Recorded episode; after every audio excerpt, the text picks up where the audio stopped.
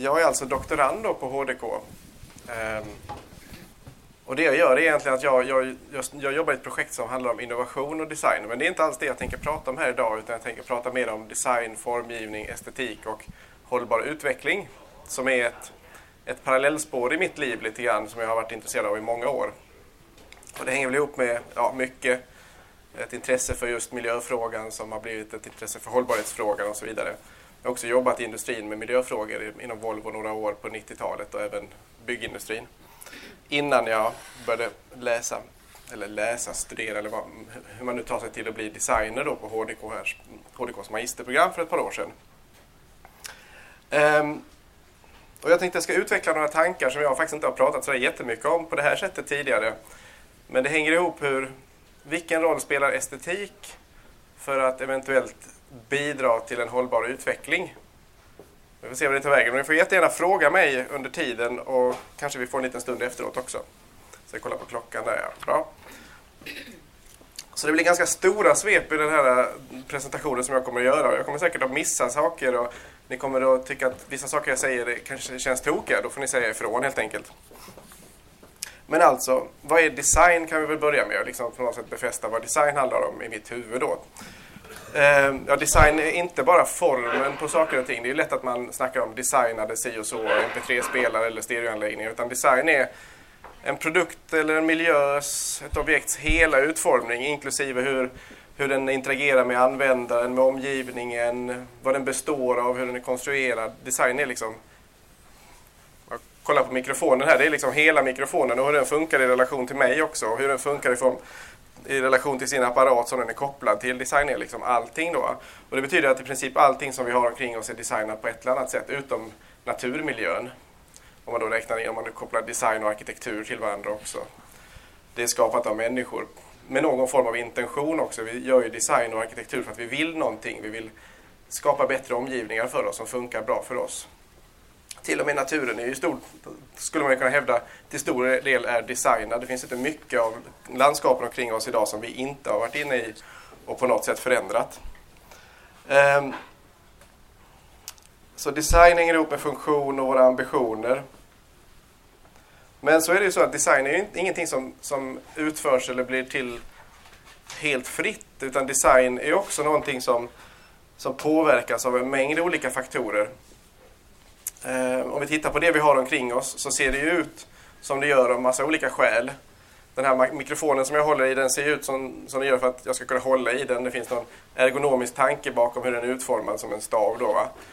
Men den, den, är, ja, den är gjord av plast på något sätt som har formats i en produktionsprocess som också har sina begränsningar. Som gör att den ser ut som den ser ut i mångt och mycket. Och om vi då tittar tillbaka, vi kan ta som ett exempel då, hur såg saker och ting ut för hundra år sedan ungefär?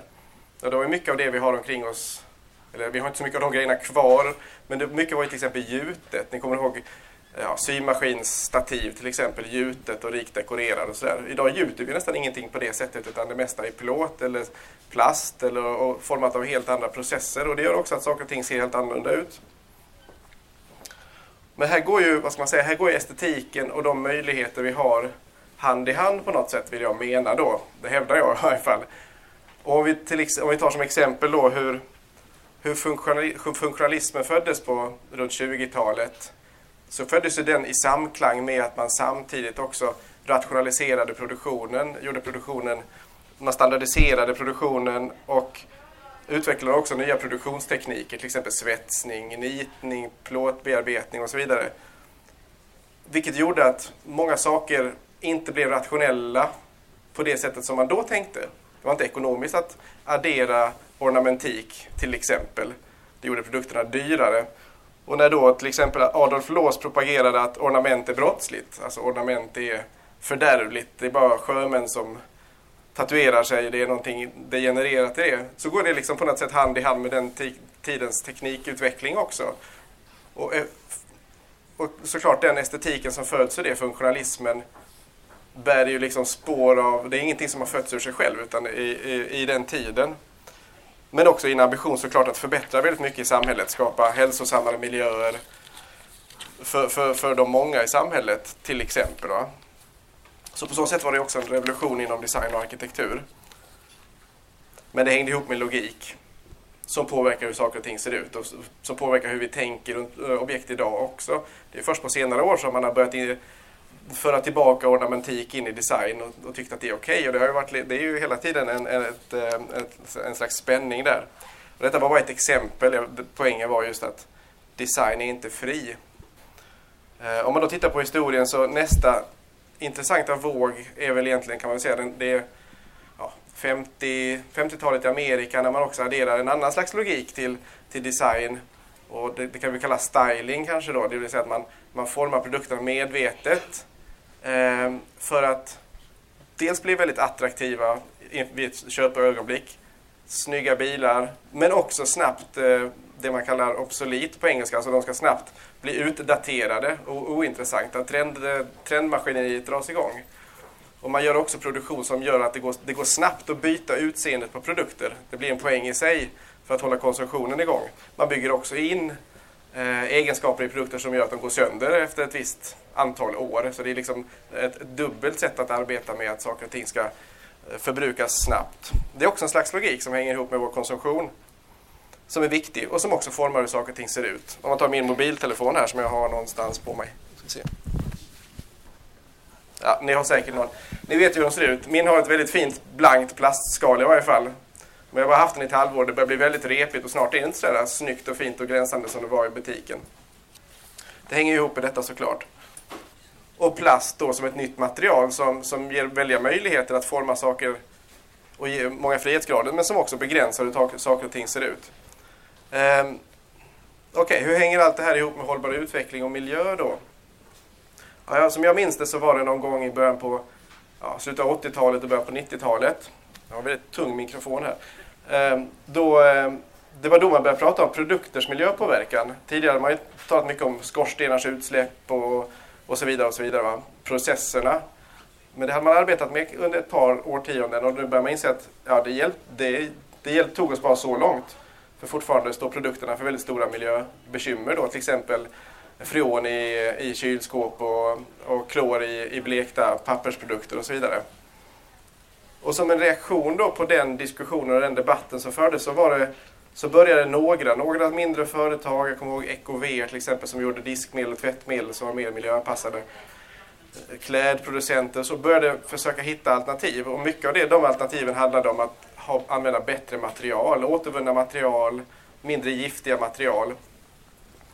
Eh, kruxet var ju att de där produkterna ofta såg himla trista ut, åtminstone tyckte jag det. Man liksom, och det blev nästan så att de skulle se trista ut. Man, man, man gjorde kartonger bruna på utsidan fast de inte behövde vara det. H&M's Echo-kollektion som kom jag tror, någon gång 93-94 och sånt var ganska tråkig. Liksom. Den, den dog snabbt. Det var ingen som ville ha den. Liksom, för den, speciellt i förhållande till hur allt annat såg ut på marknaden så var det produkter som stod ut för att de, för att de inte var speciellt sexiga om man ska vara riktigt ärlig. Så, va? Um, så där föddes någon slags estetik kan man säga, någon slags miljöanpassad produktestetik som en del kallar för eco-boring. Eh, några kallar för granola estetik, alltså sådär eh, havreflingsestetik och så. Och så var vi några stycken som tyckte att det var väl himla tråkigt liksom, för det här var inte produkter som slog på massmarknaden. Det var säkert, många av de här var väldigt bra produkter. Men det hände inget mer, folk köpte inte dem, utom några få då. Eh, ja, ni kanske kommer ihåg såna här pennor som, av rullad papp. Eh, majsstärkelselinjaler som smälter bort. Ja, ni vet. Mm. Och, så att intentionerna var himla goda, men det drev inte efterfrågan. Så då tänkte vi, några stycken så här, då ingick, eller började jag mm, verka i ett nätverk som heter O2 som är ett globalt designernätverk. Tänkte så här, men skulle man inte kunna göra produkter som både är hållbara eller bra ur miljösynpunkt och också attraktiva på marknaden så att de kan slå ut de andra, de sämre produkterna på någon slags lika villkor. De skulle kunna vara lika trendiga och lika fräna och sådär. Ehm, att då frikoppla design, formgivning från miljöanpassningen då, skulle man kunna säga. Det var vår idé i varje fall. Samtidigt så börjar vi också grotta ner oss i vad är egentligen design och hållbar utveckling för någonting? Vad, vad innebär det för produkter? Ja, det är mycket mer än materialval. Det innebär att se på produkts hela livscykel, att jobba med energieffektivitet, en massa olika saker, men det tänker jag inte gå in på här. Så, men design och hållbar utveckling är väldigt mycket mer än, än, än materialval, det vill jag bara säga. Liksom. Och för de som vill studera det vidare så finns det bra böcker på det området. Det kommer förresten en ny bok på svenska om två veckor som, som tar upp hela det området som, kommer, som heter Design för hållbar utveckling, som av en slump, på Raster förlag. Och den är bra, den är en översättning av en engelsk bok som är himla komplett på det området. Raster förlag. Men vi var några stycken som tänkte att nej, vi måste kunna göra mer attraktiva håll, hållbara produkter eller miljöanpassade produkter. Så vi började lite grann verka för det. Eh, och de i den gruppen som jag jobbar med var främst designers då. Och i samband med designåret, kommer ni ihåg det? 2005 var det designår. Då hade regeringen i avsiktsförklaringen att det skulle handla bland annat om design som kan främja en hållbar utveckling och så. Men vi, vi såg liksom att det var nästan inga projekt överhuvudtaget som tog upp den eh, aspekten, miljöanpassning och hållbar utveckling. Det var ganska dött med den frågan just då. Och vi försökte, vi skrev några artiklar och, och gjorde någon utställning och sådär där vi försökte visa på några få exempel som vi hade hittat på produkter som både var attraktiva, om man nu förenklar lite grann, och hållbara, bra ur miljösynpunkt. Eh, till exempel ett klädmärke från Holland som heter Kyichi som gör streetkläder och jeans eh, och som inte alls andas den här gamla ekoestetiken utan bara coola kläder men i bra, bra schyssta ekologiska material och så vidare. Ehm, men det gick inte sådär jättebra. Vi, vi, fick väl, ja, vi fick väl ett visst intresse så, men, men överhuvudtaget var det ganska, totalt sett så var det ändå ganska dött med den frågan tyckte jag under designåret. Men sen hände någonting som inte vi hade någonting att göra med och det var Katrina som ni vet och hela den historien och Al Gore. Och plötsligt så på bara ett år, det vill säga för ett och ett halvt år sedan ungefär, så, så bara exploderade intresset för det här som handlar om, det liksom, då kommer nästa generation, nästa våg av produkter som är mer miljöanpassade. Och då plötsligt hade man, då, då kom de här som vi hade snackat om, de produkterna som var rätt snygga och rätt coola och ja, jag tog med mig en tidning här, kanske ni känner igen tidningen Camino. Har ni sett den? Ja, den kommer från Göteborg i varje fall och den, den är ett slags livsstilsmagasin som, som, som propagerar för att, för att man kan både eh, leva en, en så att säga, miljöanpassad hållbar livsstil och också konsumera schyssta produkter. Och vill främja den typen av, av, av produkter då som man tycker är bra. Hör ni mig eller? Ja. Jättebra, säg till annars. Det här var, tycker jag är ett bra tecken i tid, på, på ett bra tecken i tiden. Okej, okay, då borde jag ju vara jättenöjd nu då, för då har ju det på något sätt hänt. Men det är jag inte. Då ska jag berätta varför. Jo, för när man grottar ner sig i det här med hållbar utveckling och, och produkter och konsumtion och så vidare så inser man ju mer och mer att oj, oj, oj, det här är inte riktigt så lätt som att vi gör produkterna bättre i några avseenden, materialval och så vidare. Utan, och sen så hänger det såklart med om, ihop med hur mycket produkter vi konsumerar också. Själva konsumtionsfrågan i sig är en fråga som jag inte går in på här, men den är ju eh, en utmaning i sig. Men även om man tittar på de här produkterna som ingår, som finns här som exempel, alltså jeans som är mer ekologiska, lite, lite mer miljö, energieffektiva kylskåp och så vidare. Så är ett problem att de, de är fortfarande skapade inom den, den logiken som ja, som vi har levt med sedan hundra år tillbaka, alltså industrialismens logik. Där vi, vad ska jag säga? Eh, oj, jag har, kan jag läsa en text här? Jag gör det. Den här boken är himla bra för den som vill gå djupare i detta. Den är skriven av en arkitekt som heter William McDonough och en kemist som tidigare jobbat på Greenpeace faktiskt i Tyskland, Mikael Braungart. Och de har tillsammans skrivit boken Cradle to Cradle som handlar om hur vi behöver förstå produkter på ett annat sätt. Vi behöver förstå att produkter behöver ingå i ett naturligt kretslopp fullt ut. Men de, de är ganska roliga när de skriver också. De skriver så här om, eh, om Titanic som ett exempel på hur, hur vi fram till idag har sett på produkter. Och nu är det på engelska också. Jag vet inte om jag ska våga mig på det. Jo, jag gör det. Det är bara kort. One might say that the Titanic was not only a product of the Industrial Revolution, but remains an apt metaphor for the industrial infrastructure that, that, that, that revolution created. Like that famous ship, this infrastructure is powered by brutish and artificial so sources of energy that are environmentally depleting. It pours waste into the water and smoke into the sky. It attempts to work by its own rules, which are contrary to those of nature. And although it may seem invincible, the fundamental flaws in its design presaged tragedy and disaster. Alltså vad de säger är ju i princip att vi lever med en logik där vi tror att vi kan, vi kan utveckla produkter som inte finns i samspel med naturen. Att vi har oändliga energimängder och råvarukällor och så vidare. Va? Vi söker standardiserade, fullskaliga lösningar som ska lösa alla problem på en gång. Det ska gå fort, fortare och ännu fortare. Va? Eh, produkten ska finnas i affärerna nästa vecka. Vi ska helst eh, byta klädkollektionerna i klädbutikerna en gång varannan vecka. Eh, och så vidare. och så vidare va? Materiell lyx som någon slags optimal, eh, det materiella som en optimal lösning på lyx och så. Va? Den logiken håller ju liksom inte. Det är det, är det man måste börja, eller det man börjar inse. Och då är frågan, vad ska vi då göra istället? Med våra produkter och med vår design. Ja, då pratar William McDonough och andra om att vi måste hitta en ny logik som vi skapar vår design utifrån. Vi behöver jobba med produkter som är bättre anpassade till de situationerna som, som de ska befinna sig i. Man kanske ska tänka sig att hus samspelar med omgivningen mycket bättre. Idag är vi rätt bra, vi bygger i princip klossar och sen så adderar vi olika system, värmesystem, kylsystem, ljussystem och så vidare. Vi skiter fullständigt i vad som händer i omgivningen i princip. Vi placerar dem inte i den rätt riktning mot solen, vi isolerar inte ordentligt. Vi, vi, gör, vi missar en massa möjligheter genom att tro att vi kan lösa allting på teknisk väg. Man kan göra smidigare lösningar än så.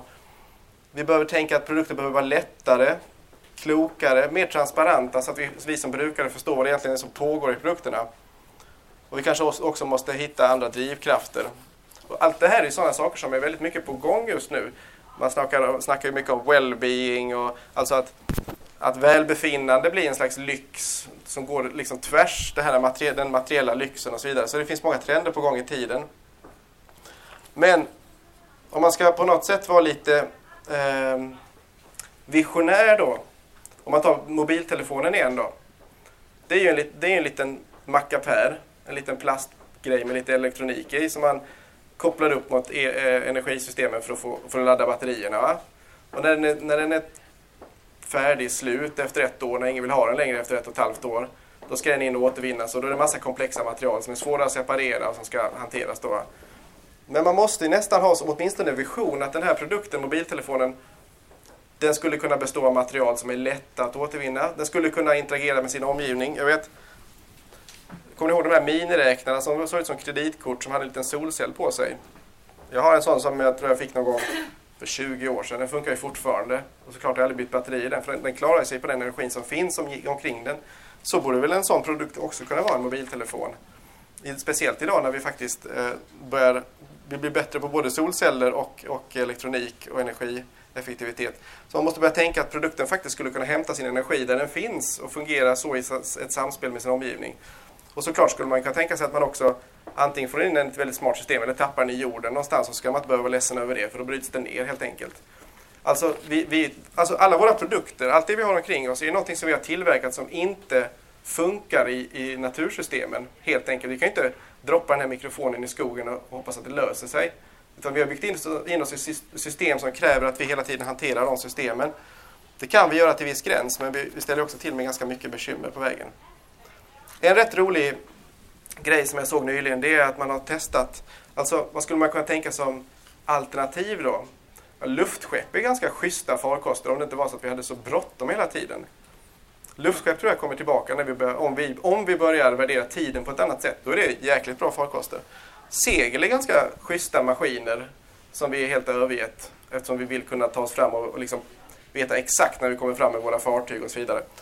Men nu har man eh, testat ett nytt slags segel som ser ut som en stor eh, drake egentligen som man har kopplat på ett skepp. Det heter Skysail. Och det, det, kan man koppla på vilken båt som helst men ett fraktfartyg har testat det. Så man skickar upp i fören rakt upp i luften och sen så, så eh, drar det fartygen fram, fartyget framåt. Och det minskar energiförbrukningen med ungefär 10% Det tycker jag är en intressant lösning. Det är liksom ett sätt att tänka där man hittar nya lösningar i gammalt tänkande. Um, men alltså, vad jag tror är att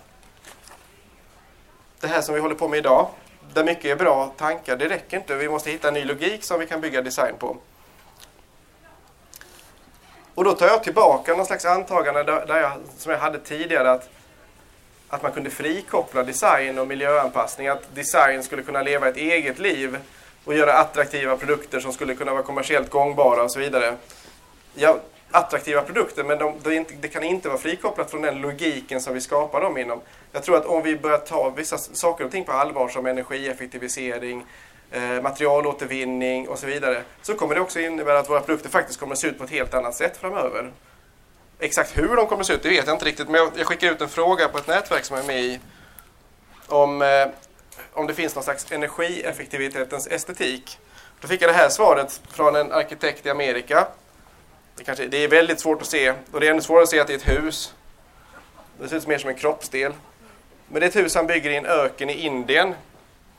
Där han helt och hållet utgår från vindarna, solen och de omgivningarna som finns. Alltså det, det är sanden och, och, och skapar flöden som, som skapar ett bra klimat inuti huset.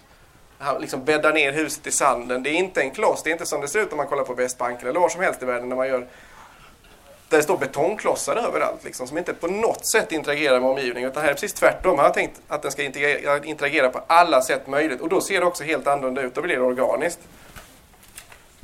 Det tror jag är ett spår. Ehm, så en annan logik. Och då är min sista poäng då. Och om man då relaterar tillbaka till 30-talet när funktionalismen gestaltade idéer som rådde då om, ett, om ett ny, en ny bättre värld, ett ny, ny, nytt hälsosammare boende och så vidare. Som också blev ett väldigt ty, tydligt uttryck i, i, i arkitektur till exempel. Eller om vi tar 50-talets fantastiska drömmar om framtiden, ni vet rymdfart och kärnkraftsreaktorer i bilarna och sådär. Alla de sakerna som gjordes då var också väldigt bra inspirerande visioner för framtiden. Sen blev det inte exakt som, som, som man då förut, försökte förutspå. Men de skapade åtminstone drivkrafter för förändring. Och då är frågan nu, har vi sådana visioner idag för det hållbara samhället som är gestaltade i design? Kan vi se ett samhälle om hundra år som vi tror på tycker är spännande och, och häftigt och som ser tydligt och annorlunda ut, som kan driva en utveckling framåt? Jag tror inte vi har sådana visioner just nu. Jag tror vi lever mitt uppe i en slags brytningstid där vi inser att okej, okay, det vi håller på med nu funkar inte fullt ut. Vi behöver en ny logik, den håller på att formas. Men det är väldigt få som har försökt dra ut den logiken i, och, och, skapa design som på något sätt kan gestalta vad, det, vad ett sånt, ett mer hållbart samhälle kan se ut som.